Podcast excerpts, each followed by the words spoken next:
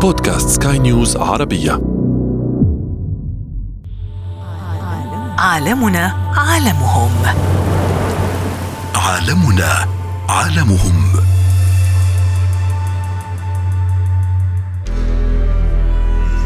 وسط الطبيعة والأشجار وأصوات الطيور التي تنسجم مع زخات المطر. نرى طيورا تحلق في السماء وكائنات تتجول بين جذوع النباتات وتتخفى. نظرت وتأملت وجدت غزالة تلتفت وتحرك رأسها بطريقة ممشوقة. أما الطائر فيحمل في فمه طعاما توجه به إلى صغاره. وعبر التلفاز أثناء متابعتي لبعض المشاهد للحياة البرية وجدت نمرة تترصد لفريستها مستخدمة قوة النظر في عيونها وسألت نفسي ما يقوم به كل كائن حي؟ هو سلوك وهل السلوك مكتسب أم تلعب الفطرة دورا كبيرا؟ في تشكيل سلوك الكائنات ليتكيفوا مع البيئة كل الحيوانات اللي ربنا اودعها في الكون عندها شفرة وراثية وليها كتالوج سلوكي. في كل اللي هو الشفرة اللي وراثيه والسلوكيات اللي بيقوم بها الحيوان. بدأ في علماء اللي هو علم الطب وعلم طب الأعصاب وبتوع علم السيكولوجي يعملوا حاجة اسمها الموديل الحيوان أنا عايز أدرس ظاهرة في البشر أدور على حيوان قريب في سلوكه من سلوك البشر والظاهرة دي ممكن تحصل فيه وأطبق عليه. الأول لما الحيوان ينزعج ويخاف ويتضايق أو يكون في وضع مش مناسب بتزيد هرمونات اللي هو الغدة الجرثوميه الادرينالين والنور أدرينالين. يزيد معدل التنفس والنبض والحيوان يبقى مثار وغضبان وغيره. بعد شوية الحيوان هيتأقلم لو ال- المؤثر ده كان بسيط. وهنا تواصلت مع الضيف المتخصص بسلوك الحيوان دكتور عصام عبد الجواد أستاذ سلوك الحيوان بكلية الطب البيطري جامعة القاهرة. لينقل لنا من بحر علوم الحيوان حقيقة السلوك الحيواني. واستمتعت جدا بإجابتي وأردت أن أثري معلوماتكم بها. السلوك هو كل ما يقوم به الحيوان من أفعال وأعمال. يعني لو الحيوان بيأكل بيشرب بينام بي آه، بيهاجر بيصطاد بيفترس غيره. ده اسمه السلوك. يعني تعريف السلوك هو التفاعل الحيوان أو الكائن الحي مع البيئة المحيطة بها من كل أفعال يقوم بها اسمها السلوك. عشان كده بيعتبر السلوك هي المرآة أو الفعل الظاهري اللي, اللي إحنا بنقراه على الحيوانات في حياتنا. ده بالنسبة للسلوك. السلوك فيه نوعين منه. يا إما السلوك يكون الحيوان مولود بيه سلوك غريزي أو فطري وده بينتقل من جيل لجيل من غير ما ما حد يتدخل أو يعلمه للحيوان. يعني الطيور ليها أجنحة بتطير من غير ما حد يعلمها الطيران وغيرها. دي في يعني معظم سلوكيات الحيوانات بتبقى سلوكيات فطرية أو غريزة يعني موجودة في الشفرة الوراثية بتاعتها. في سلوكيات الحيوان بيكتسبها على مدار حياته اللي هي بنسميها التعلم. يبقى اللي هو سلوك أي حيوان أو أي كائن أو حتى البشر هو عبارة عن مزيج من مكونين. آه، جزء فطري مولود في شفرة وراثية بتتحكم فيها الجينات وبتنتقل من آه، جيل لجيل من آباء لأبناء. وجزء بيتعلمه اللي هو الكائن في مدار حياته على مدار عمره وزي برضه في حياتنا برضه آه، بنتولد برضه ما ما عندناش لغة بنبدأ نتعلم. عالمنا عالم وأثناء المتابعة للحياة البرية وطبيعة بعض الحيوانات والطيور وجدت تغيرا في سلوك الحيوانات وأصبح هناك ازدحام في رأسي. من أسئلة لا أجد لها إجابة. لماذا تغير سلوكهم؟ وكيف يتغير؟ مم. كل الحيوانات اللي ربنا يعني اودعها في الكون عندها شفرة وراثية وليها كتالوج سلوكي، يعني الكتالوج السلوكي في كل اللي هو الشفرة الوراثيه والسلوكيات اللي بيقوم بها الحيوان، السلوك الغذائي، السلوك الإخراجي، آه، الاستكشاف البيئة، السلوك الاجتماعي، التواصل، سلوك الامومه، السلوك الجنسي، آه، الحاجات دي كلها آه، موجودة اللي هو في الكتالوج بتاع كل نوع، عشان كده إحنا بنجد في عالم الحيوان في تنوع، آه، ده أمة البط، دي أمة النعام، ده أمة الزراف ده أمة الأسود النمور فكل كائن من دول بيبقى ليه كتالوج للسلوك بتاعه.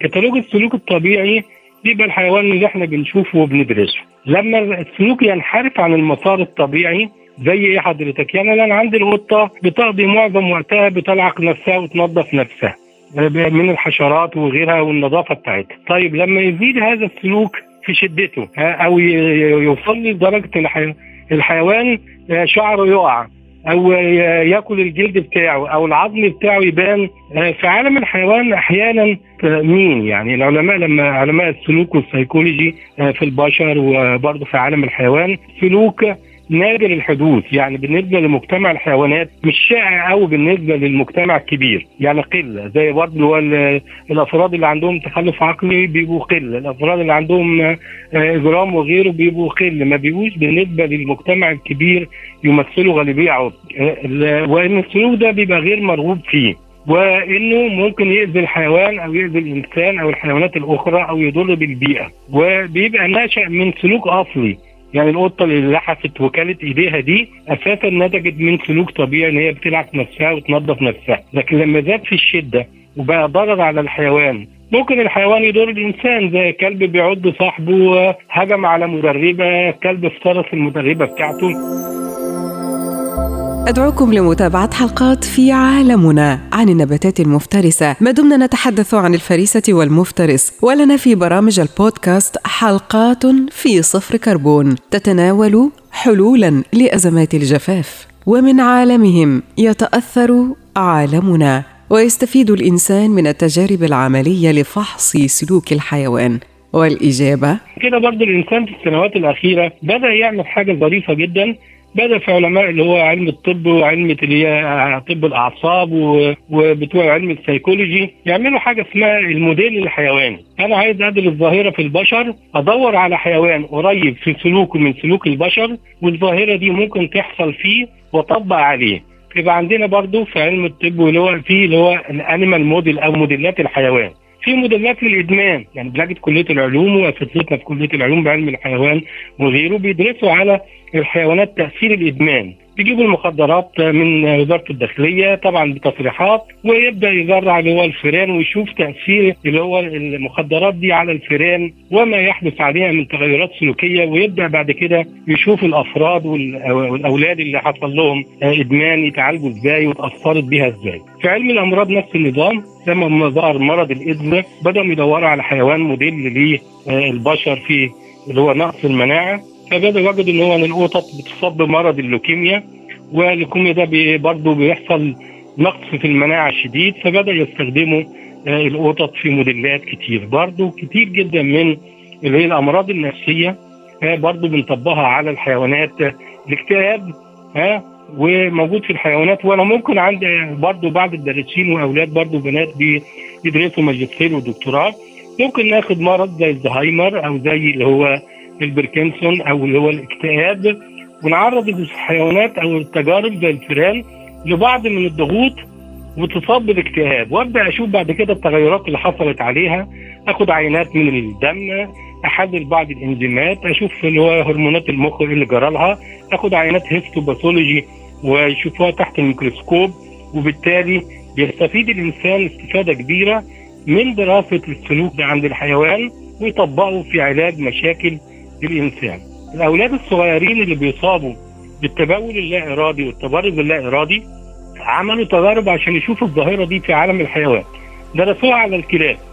وجدوا إن الكلاب لما بتتعرض لبعض الظروف اللي هي مماثلة للأطفال الصغيرين زي القسوة والضرب الشديد ها ساعات بيبقى في عيوب وراثية تعمل تبول لا ارادي لو في مثلا مشكلة وراثية أو في مشكلة في العضلة العاصره بتاعة المثانة آه ساعات بيفتكر برضو اللي هو الأباء ان هو الطفل لما بيعمل كده أنا لو ضربته آه أنا بعالج المشكلة ممكن أزود المشكلة. هل سألت نفسك يوما هل يتوقف الطائر عن الطيران؟ هل من الممكن أن تترك بعض الأمهات صغارها؟ أم تعلمهم مهارات الحياة وتتركهم وتعود؟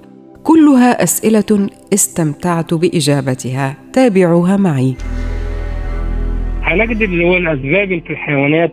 شبيهه بالإنسان إن لم تكن يعني ايدنتيكال ومطابقة ليها. يعني ممكن يكون السلوك سببه وراثي. بنشوف في عادات كتير من الناس اللي بيصابوا بأمراض عقلية وغيره بيرجع الدكتور لما بيجي يشخص في تاريخ العيلة. هل في الخالات؟ هل في الاعمامه هل في الجدود؟ آثار حد اصيب بأمراض مشابهة؟ لأن الوراثة بتلعب دور في انتقال الجينات من الأفراد أو الأجداد للأبناء. فبرضه في عالم الحيوان ممكن برضه نجد إن الوراثة بتلعب دور كبير في عيب وراثي. ساعات نشوف في بعض القطط كل عين لون ده عيب وراثي. قطة لونها عين خضراء وعين مش ده عيب وراثي. موجودة في أنواع معينة زي القطط اللي لونها بيضاء ونجد برضه في بيبقى فيه خلل في الأصابع في قزمية في الأصابع. دي مرتبطة بجينات معينة عندنا مثلا في القطط الشرازي الناس اللي بيربوا قطط شرازي وغيرها آه، اصابه اللي هي القطط الشرازي باحتباس البول وخصوصا في الذكور كتير قوي في القطط الشرازي عن غيرها من الأنواع الثانية ده بسبب إن هو في استعداد وراثي لتكوين حصوات على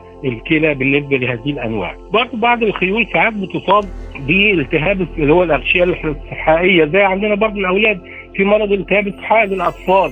الحصان اللي عنده التهاب صحائي بيبقى برضه الفيروس أو الإصابة موجودة في المخ اللي هو الحصان آه، بيبقى طبعا آه، ما بيتحركش كتير آه، نشاطه بيقل بس سببها برضه مرضي برضه عندنا جنون البقر لما ظهر من عدة سنوات اللي هو مرض جنون البقر لما طبعا غيروا في الأكل بتاع اللي هو الأعلاف اللي هي ال- ال- الأبقار وادوها أعلاف يعني بروتين اللي هو حيواني وهي حيوانات عشبية. بدأ أثرت برضه عليها وأصابها بجنون البقر تغير في السلوكي سوء المعاملة. سوء المعاملة مثلا حيوان مربوط والأولاد في الشارع بيضاي- بيضايقوه. حصان مربوط مش عارف يفك نفسه. قاعدين يرموا عليه الطوب والحاجات دي كلها. حصان يبقى عايز يخلص نفسه يبدأ يرفض ويتعلم إزاي يعض والكلام ده كله. برضه هو لو البيئة مش مناسبة. يعني الحيوان برضه هو علماء اللي هو السلوك وتربية الحيوان قالوا ان الحيوان آه، ليه احتياجاته أنا بربي حيوان يبقى لازم أوفر له خمس احتياجات بيقولوا عليهم اللي هو علماء اللي هو آه، الرفق بالحيوان. إن الحيوان ليه خمس حريات أو خمس حقوق لازم اوفرهم له. الحيوان ككائن حي عايز ياكل عايز يشرب عايز يسكن في مكان آمن عايز يبقى خالي من الامراض والاصابات واللي هو الجروح عايز يمارس سلوكيات الطبيعي. الطبيعيه في حياته ولازم يتعامل معاملة إنسانية. الحب والرفق والكلام ده كله. آه، الشخص اللي بيجيب كلب يربيه وهو مش فاضي لتربيته. حطه في حجرة حطه على السطح في جراج في بلكونة قافل عليه. ده حيوان أليف يعني معتمد على الحياة الاجتماعية. طب أنا حرمته من الحياة الاجتماعية؟ ممكن يصاب بالاحباط ممكن يكسر البيت خالص ويعمل لي مشاكل داخل البيت بسبب إن أنا اسات معاملته آه، القطط اللي بنربيها يمكن برضه كحيوان منزلي القطة لما بتعمل سلوك إخراجي بتحتاج إن هي تدفن الروث والبراز بتاعها والبول. عشان كده لازم أوفر لها صندوق فيه رمل أو نشار أو تراب وغيره. طب لو أنا الصندوق ده أسأت استخدامه يعني ما وفرتش للقطة اللي هو الصندوق دوت هتعملي براز في أي مكان؟ على الفوتيه على الأنتريه؟ في الش- في الشيك بتاع الأولاد يبقى لازم من الأول أدرب الت- الحيوان على الإتيكيت. خلق الإنسان والكائنات الحية بمنظومة جسدية هرمونية وبشفرة وراثية تساعده على مواكبة الظروف ودعم المناعة وإذا فقدها سيكون لها تبعات كثيرة لأنها تمر بمراحل عديدة. الضغوط دي بتعمل ثلاث مراحل. الأول لما الحيوان ينزعج ويخاف ويتضايق أو يكون في وضع مش مناسب بتزيد هرمونات اللي هو الغدة الجرثوميه الأدرينالين والنور أدرينالين. يزيد معدل التنفس والنبض والحيوان يبقى مثار وغضبان وغيره. بعد شوية الحيوان هيتأقلم لو ال- المؤثر ده كان بسيط. طب لو استمر يبدا بعد كده الهرمونات تتغير ويطلع هرمون الكورتيزون. هرمون الكورتيزون ده بيخلي الحيوان يتكيف ويتغلب على كل الآلام. هرمون ليه سحر على معالجة اللي هي الالم في معظم الحيوانات بتمر بالمرحلة دي وتنجح في إنها تتأقلم. طب لو الحيوان فشل ما قدرش يواكب الضغوط اللي عليه ها في الم- المرحلة الثالثه يبدأ الحيوان يصاب بالإحباط مناعته تقل كورتيزون يدمر الجسم ويدمر المناعة والحيوان يبقى عرضة للأمراض عرضة للشلل. للضغط اصابات أمراض القلب زي ما بيحصل برضه في حياتنا سكر والحاجات دي كلها برضه الحيوانات بتمر بمراحل هي ال- الضغوط دي في حياتها مفيش حياة حياة تمشي للحيوان يعني على نفس الوتيرة بتتغير. يعني عندنا في الافراط الحوامل لو نسب الكالسيوم والفوسفور مش موجودة مظبوطة في العريقة ممكن أجد الافراط الحوامل تلع تلعق الحيطان. ها، الجدران عشان فيها نسبة كالسيوم وخصوصا اللي مدهونة بالجير حيوان ذكي دايما بيحاول يعوض النقص الموجود في حياته من البيئة. ها، حيوان مربوط ممكن ياكل الروث بتاعه لو أنا حرمته من الأكل. يبقى برضه هنجد في الآخر إن الإنسان هو المسؤول عن ما يقرب من 80 ل 90% من سلوكيات الحيوان بسبب إن الحيوان ما قدرش يفهم إن الحيوان اللي ربيه ده ليه احتياجاته. عالمنا عالمهم. عالمنا عالمهم.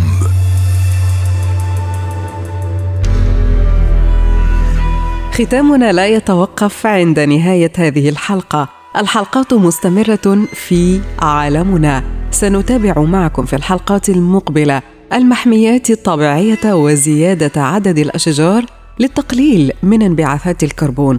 خاصة مع قمة المناخ كوب 27 انتظروا آراء حول زيادة عدد الأشجار في كل مكان. كان معكم في الإعداد والتقديم لبنى الخولي وفي الإخراج إيدي طبيب. انتظرونا في عالمنا عالمهم. عالمنا عالمهم. عالمنا عالمهم.